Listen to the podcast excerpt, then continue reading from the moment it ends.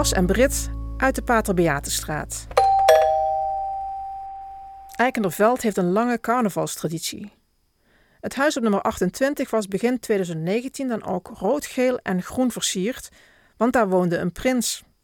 Prins Bas de Eerste. Al moest hij zelf aan het idee wennen.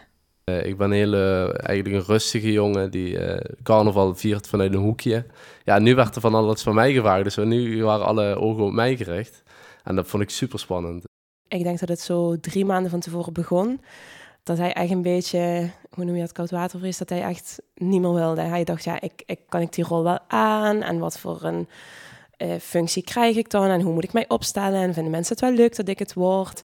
Ik weet nog dat we twee weken voordat ik uitgeroepen werd foto's gingen maken. Dat ik voor de eerste keer dat hele pak aan had en de prinsenmuts op had. En ik keek naar mezelf in de spiegel en ik keek gewoon weg. Ik denk, oh nee, ja. Ik werd zo zenuwachtig ervan. Het was zo, zo heftig om mezelf zo te zien. En ik denk, oh nee, en mensen gaan, oh, dat ik tegenval of zo. Het was toch het jubileumjaar en uh, ik ben een rustige jongen. En uh, ja, als prins moet je toch ja, een beetje de karttrekker zijn. Um, maar mijn neef, Koen, en um, twee secondanten uh, van mij. Hoe zij toen achter mij stonden en die steun die ik toen gevoeld heb, dat is ook iets wat ik de rest van mijn leven met me mee ga nemen. Dat ik twee zo goede vrienden heb waar ik op kan bouwen. En niet alleen vrienden, ook de partners ervan trouwens. En uh, mijn vrouw Britt, die mij uh, door dingen gesteund heeft.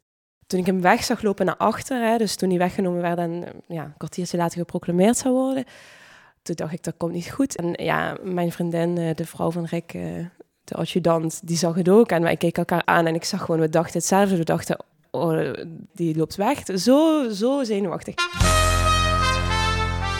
En dan nog geen anderhalf uur daarna viel ik echt stijl achterover dat ik dacht, wat gebeurt hier?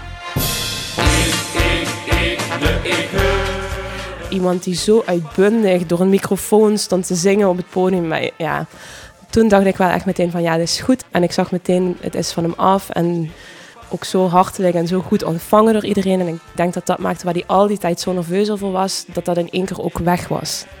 Ik heb me nog nooit zo kwetsbaar gevoeld en daarom had ik een enorme behoefte aan steun en die kreeg ik.